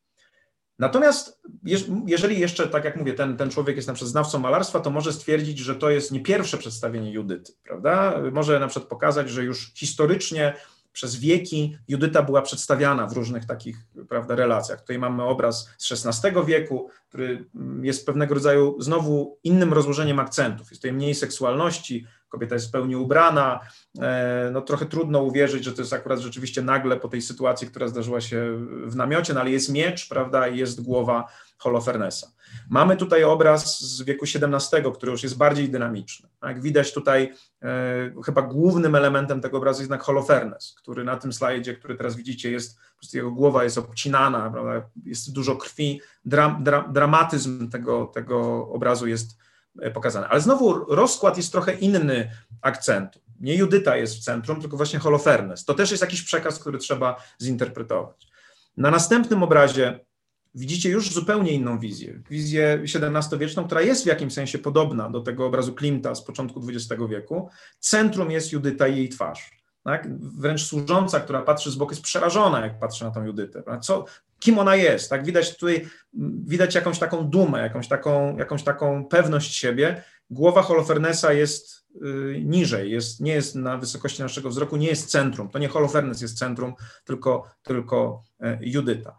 Ten obraz z wieku XX jest podobny, ktoś może powiedzieć, przejść tam nawet tak trochę jak to zrobił Dworkin, Powie, to jest powieść w odcinkach. Tak? Różne elementy tego samego motywu są pokazywane. Raz Holofernes jest najważniejszy, raz brutalność tej sceny, raz seksualność, raz Judyta jako, jej, jako silna kobieta, która po prostu zrobiła to, co zrobiła. Kandel pyta, czy to będzie pełna interpretacja? No będzie to na pewno lepsza interpretacja, dlatego że bierze pod uwagę więcej elementów, bierze pod uwagę więcej składników przekazu, bo już się wreszcie pojawia ta Judyta i Holofernes. Wreszcie pojawia się pewna historia. Jak ktoś zna dojście do tej historii, to wręcz to już jest takim Herkulesem, można powiedzieć, dworkinowskim, bo zna wcześniejsze odcinki i wie, jak do tego podejść. Mimo to Kandel mówi, ta interpretacja jeszcze nie jest do końca pełna. Macie teraz przed sobą obraz Klimta w powiększeniu i Kandel mówi, przyjrzyjcie się twarzy Judyty na tym obrazie. Wszystko wskazuje na to, że ona nie jest tutaj starożytną księżniczką. Fryzura, którą ona ma, jest fryzurą charakterystyczną dla Wiednia, dla e, początku wieku XX. Judyta ma makijaż, tak, który jest makijażem nowoczesnym, współczesnym dla wieku XX. Tak? Ma zaróżowione policzki, ma czerwone usta. Co więcej, Kandel, znawca ludzkiego ciała, mówi, to jest moment, znaczy to, ta, ta, ta twarz pokazuje y, rzeczywiście twarz po akcie seksualnym. Y, hormony są tutaj widoczne, oddziaływanie na ludzkie ciało hormonów jest tutaj widoczne. Mimo, że szata jest w jakimś sensie stylizowana przez Klimta na, na szatę y, dawną, to biorąc pod uwagę pewne mody w tym czasie, to jest współczesna kobieta. Tak? Potem Kandel mówi, spójrzcie na dół tego obrazu. E, dlaczego głowa Holofernesa jest tak bardzo zmarginalizowana? Dlaczego w ogóle się nie pojawia? Widzieliście te wcześniejsze obrazy. Ona, Holofernes albo był w centrum, albo przynajmniej ta głowa była jakoś uwypuklona. To jej w ogóle nie widać. Holofernes nie jest ważny tutaj. Judyta jest ważna. Kandel mówi, jaka jest pełna, najpełniejsza interpretacja tego obrazu, która bierze pod uwagę te wszystkie elementy. I tę nagość, i tę seksualność, i to złoto, i historię Judyty i Holofernesa. Kandel mówi, Klimt ujmuje tutaj coś więcej. On pokazuje już swoją wiedzę wynikającą z odkryć Freuda, dotyczących ludzkich, dotyczącej ludzkiej podświadomości, e, instynktu śmierci, e, podświadomości polegającej także na pewnych relacjach damsko-męskich, znaczenia seksualności. Mówi, e, Judyta jest tutaj zaprezentowana jako femme fatale, jako kobieta, która, której boją się mężczyźni, która jest na tyle silna, że jest w stanie stawić im E, nie tylko stawić im czoła, ale ich pokonać. Co więcej, Judyta, mówi Kandel, jest tutaj modliszką. Tak jak modliszka po akcie seksualnym odgryza głowę e, samcowi, tak samo zrobiła Judyta z Holofernesem. Więc oprócz tego całego ładunku historycznego, jest tutaj cała masa jeszcze i psychologii, i biologii, i współczesności. I tak naprawdę jest to i także pewien, pewien sygnał rodzącego się ruchu feministycznego, tak, który był widoczny, Kandel mówi już w tym, w tym, w tym okresie. Po co o tym wszystkim mówimy? Mówimy o tym, żebyście spojrzeli na różne interpretacje tego samego przekazu. Interpretacje 10-12-letnich chłopców, interpretacje kibiców angielskich, powiedzmy nie bardzo wykształconych, interpretacje pani Dulskiej, interpretacje biblisty, znawcy malarstwa, interpretacji, którą zaproponował Kandel. Jak widzicie, one się naukładają w taką interpretację, w taki ciąg interpretacji, w których te pierwsze biorą pod uwagę po jednym elemencie z tego przekazu. Im dalej idziemy, tym więcej elementów jest branych pod uwagę. Nawet ta interpretacja biblisty, która już się wydaje bardzo wyrafinowana, okazuje się, że nie jest pełna, dlatego że Kandel dzięki swojej wiedzy jest w stanie zobaczyć więcej w tym obrazie. Jest, jest w stanie zaprezentować interpretację, która bierze pod uwagę wszystkie elementy i nic już nie pozostaje niewyjaśnione. Tak? Nic już nie pozostaje niewyjaśnione. Tak działa każda interpretacja. Jeżeli interpretujecie tekst, interpretujecie tekst prawny i uwzględnicie wszystkie elementy, zarówno tekst, jak i system, jak i cel, funkcję, kontekst konstytucyjny, ponadnarodowy, jeżeli uwzględnicie wszystkie przekazy i nie będzie wam można postawić zarzutu, że czegoś nie uwzględniliście, możecie być pewni, że zbliżyliście się do, do bardzo dobrej interpretacji. Może nawet do tej, o której Dworkin mówił, że jest jedną prawidłową odpowiedzią. W tym układzie, o którym mówi Kandel, wydaje się, że to, co on zaprezentował, to jest taka właśnie jedna prawidłowa odpowiedź. Widać jej przewagę, ale zwróćcie uwagę, na czym ta przewaga polega. Na tym, że on uwzględnia wszystkie elementy tego przekazu, ona nadaje temu przekazowi największą spójność. Wszystko jest potrzebne, wszystko jest wyjaśnione. Jeżeli będziecie formułować takie interpretacje w przyszłości wobec tekstu prawnego, to pamiętajcie proszę o tym przykładzie, że im więcej wyjaśniacie swoją interpretacją, im więcej uwzględniacie elementów przekazu, tym ona jest bardziej prawidłowa. Więc nie może być tak, że jeżeli ktoś interpretuje pewne przepisy ustaw, czy nawet konstytucji, odnoszące się do podziału władz, to pomija zupełnie artykuł 10 Konstytucji, który mówi o podziale i równowadze władz. Jeżeli ktoś daje taką interpretację przepisów dotyczących jakiegoś obszaru działania sędziowskiego, które naruszają i nie uwzględniają w ogóle zasad konstytucyjnych, które też są elementem przekazu, to jest interpretacja dziesięcioletniego chłopca. Tak, to jest interpretacja kogoś, kto jest zupełnie nie, jej nienauczony, nie rozumie, że dziełem, że zadaniem interpretacji jest uwzględnienie wszystkich komunikatów, jest uwzględnienie każdego elementu przekazu, bo tylko wtedy można powiedzieć, że to jest wierna interpretacja, że ona rzeczywiście uwzględnia to, o co chodziło autorowi. Myślę, że na tym przykładzie widać, że to, co powiedział Kandel, jest prawdopodobnie najbliższe temu, co chciał przekazać Klimt, właśnie dlatego, że bierze pod uwagę wszystkie elementy jego przekazu. Z prawem jest oczywiście trochę trudniej, no bo obraz Klimta jest jedną całością, więc nie ma dyskusji dotyczącej tego, co się składa na przekaz. Natomiast, no ale widzieliście też, że możemy przechodzić na przykład do wcześniejszych obrazów i pokazywać, jak one wpływają na ten, czyli ro, robić coś w rodzaju powieści w odcinkach. Możemy spojrzeć na to, co było później i wtedy widać, to jest na przykład obraz 1928 roku, gdzie ta relacja damsko-męska i rola, ta kobiecość Judyty jest jeszcze bardziej podkreślona, prawda, tutaj, więc widać wyraźnie, w jakim kierunku to ta, ta, ta sytuacja, ta, jakby ten ciąg zmierza. Natomiast to, czym chcę zakończyć ten wykład, to przekonanie, że tylko holizm nas uratuje. To znaczy, jeżeli jest tak, jak mówi Kant, że to nie uprzywilejowana pozycja, obiektywizm Kogito, wynikający z jego pozycji wobec świata zewnętrznej, gwarantuje obiektywizm, tylko ten, to Kogito jest wrzucone w świat, przyjmuje perspektywę jakąś, tak jak ci badacze tego słonia w, w, w, w tym ciemnym pokoju, to nie nasza pozycja i nasze zdolności mogą dać nam obiektywny efekt interpretacji, ale metodologia, którą przyjmujemy. Ta metodologia polega na tym, żeby uwspólnić nasze spojrzenie na świat, żeby nasza metoda poznawania świata była taka sama. Jeżeli jeden będzie trzymał za nogę, inny za trąbę, trzeci za ogon, to nigdy się nie dogadamy, bo każdy bada inaczej rzeczywistość pod tytułem słoń. Tak samo, jeżeli jeden będzie interpretował literalnie, inny tylko funkcjonalnie, inny jeszcze tylko konstytucyjnie, nic z tego nie wyjdzie, nie dogadamy się. Trzeba zapalić światło i trzeba wykonać to całościowo, trzeba spojrzeć na problem całościowo. Nasze spojrzenie na problem całościowo polega na tym, że my jako prawnicy patrzymy na pełen przekaz, który do nas kieruje prawodawca. A prawodawca mówi do nas multicentrycznie, tak jak mówi profesor Łętowska. Nie mówi jednym przekazem. Tak mówi do nas rozporządzeniem, ustawą, konstytucją i prawem międzynarodowym. To wszystko jest przekaz. Dlatego to jest trudniejsze niż w przypadku Klimta, bo Klimt daje jeden obraz, a nasz prawodawca daje mnóstwo komunikatów i nieraz jest nawet wątpliwość, które z nich razem należy czytać. To widzimy w koncepcji Zielińskiego, gdzie my mamy przepis zrębowy, przepisy modyfikujące i może istnieć pewna wątpliwość, które przepisy modyfikują, które przepisy zrębowe. To dlatego nasza sztuka interpretacji jest tak trudna, bo nawet to nam zabrano. Tak? Nawet mamy układać obrazek, nie wiedząc, jaki jest wzór do końca. No niestety tak, tak, tak to wygląda. Krótko mówiąc, holizm jest metodą, która gwarantuje nam najbardziej, że efekty, do których będziemy dochodzili, będą podobne. Jeżeli zmienimy metodę, jeżeli będziemy zupełnie inaczej interpretować e, to, co mamy interpretować, to wtedy będziemy tymi drukarkami 3D, które drukują zupełnie inne figurki. A chodzi o to, żeby one jednak były do siebie w jakimś sensie podobne. Podsumowując, może uważacie, że ten wykład był dziwny, no bo tak naprawdę przynajmniej w treści wizualnej zbyt dużo prawie nie było, ale taki był cel. Myślę, że dobrze jest nieraz spojrzeć na praktykę interpretacyjną, której w pewnym sensie się uczyliśmy przez ten cały semestr, z innej zupełnie perspektywy. Dlatego dzisiaj starałem się raczej zająć interpretacją sztuk wizualnych, a nie sztuk literackich, czy, czy obrazu, a nie tekstu, po to, żeby pokazać Wam, że mimo wszystko podejście interpretacyjne jest uniwersalne. Zauważył to już Gadamer, który mówi, że wszystkie interpretacje łączy jedna rzecz i co ciekawe, dla wszystkich interpretacji wzorem jest interpretacja prawnicza. Mówi Gadamer o egzemplarycznym znaczeniu hermeneutyki prawniczej. Dlaczego? Dlatego, że jak mówi Gadamer, prawnicy zawsze interpretują po to, żeby odnieść to, co interpretują do swojej sytuacji. Sędzia interpretuje po to, żeby zastosować. Aplikacja jest elementem immanentnym tego, co my robimy jako prawnicy.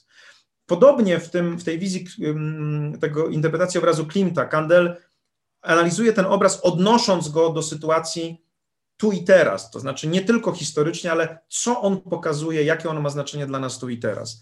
Jeżeli jest tak, jak mówi Gadamer, a chyba jest, że istnieje pewien wspólny mianownik dla wszystkich interpretacji i że my możemy nieraz, przez to właśnie, że podchodzimy według pewnego kanonu do interpretacji, interpretujemy holistycznie, że aplikujemy od razu, odnosimy do naszej rzeczywistości to, co zinterpretowaliśmy, stanowić wzorzec dla pewnych innych wizji interpretacji. Dlaczego nie wykorzystać interpretacji na przykład malarskiej czy dzieła sztuki po to, żeby pokazać coś, co jest dla nas ważne?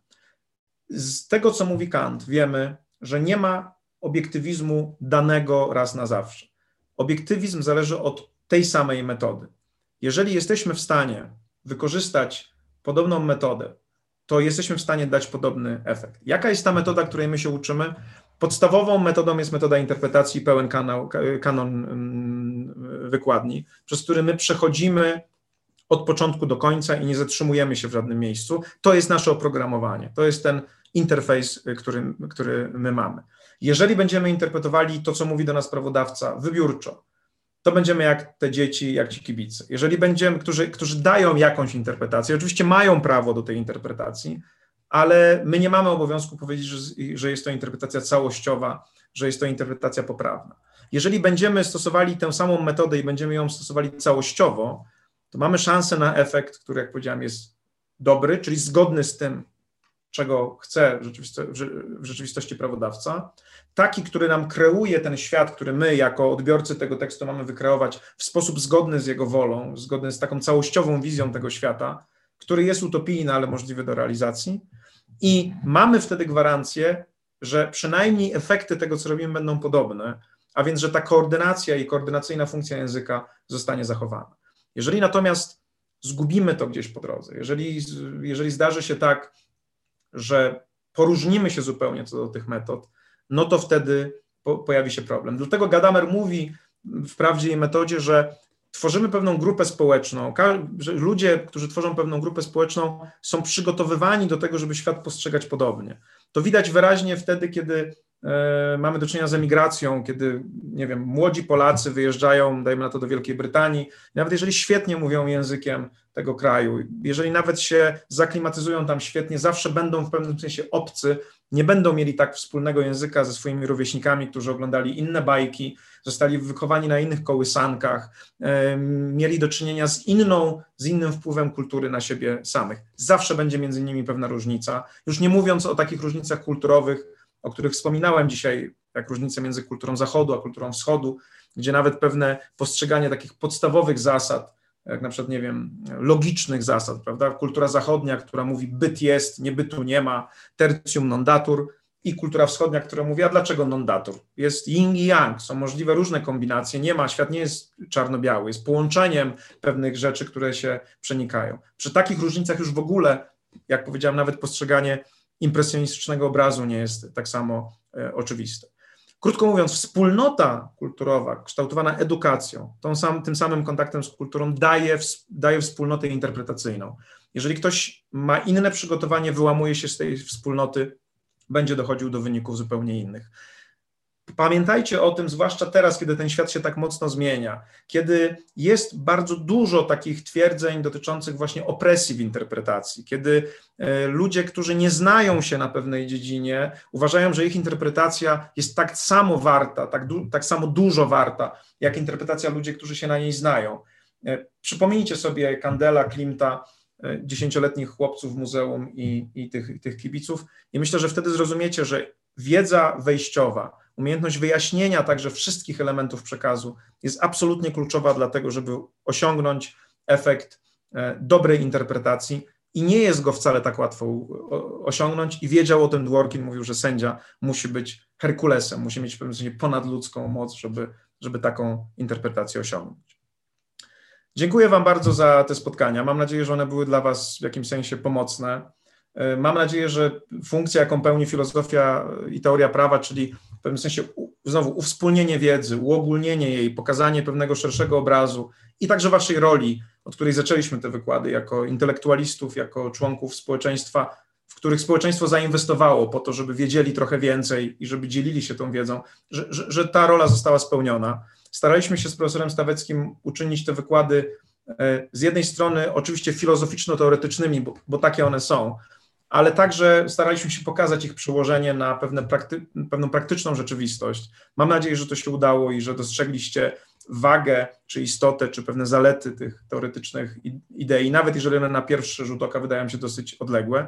I mam nadzieję, że rzeczywiście będzie tak, jak w tej piosence, od której zacząłem ten, ten, ten wykład, że ludzie z zewnątrz nie będą was myśleli tylko jak o prawnikach, rzeźnikach, tylko jako o ludziach, którzy mają w sobie spojrzenie humanistyczne na świat, mają spojrzenie, które jest oparte na pewnej aksjologii, y, widzą świat w pełnym zróżnicowaniu, takim jaki, jakim on jest i rozumieją swoją rolę społeczną. Tego Wam życzę. Życzę Wam zdania mm, egzaminów y, z jak najlepszym wynikiem i dobrej prawniczej drogi na przyszłość. Dziękuję Wam serdecznie. Jeżeli zainteresowały Was tematy, o których mówiłem, zachęcam do tego, ażebyście włączyli się do dyskusji. Zostawcie koniecznie komentarz, przedstawcie swoją opinię. Możecie także zdecydować się na subskrypcję tego kanału. Będzie mi bardzo miło, bo wtedy będziecie mieć łatwiejszy dostęp do kolejnych odcinków. Zachęcam.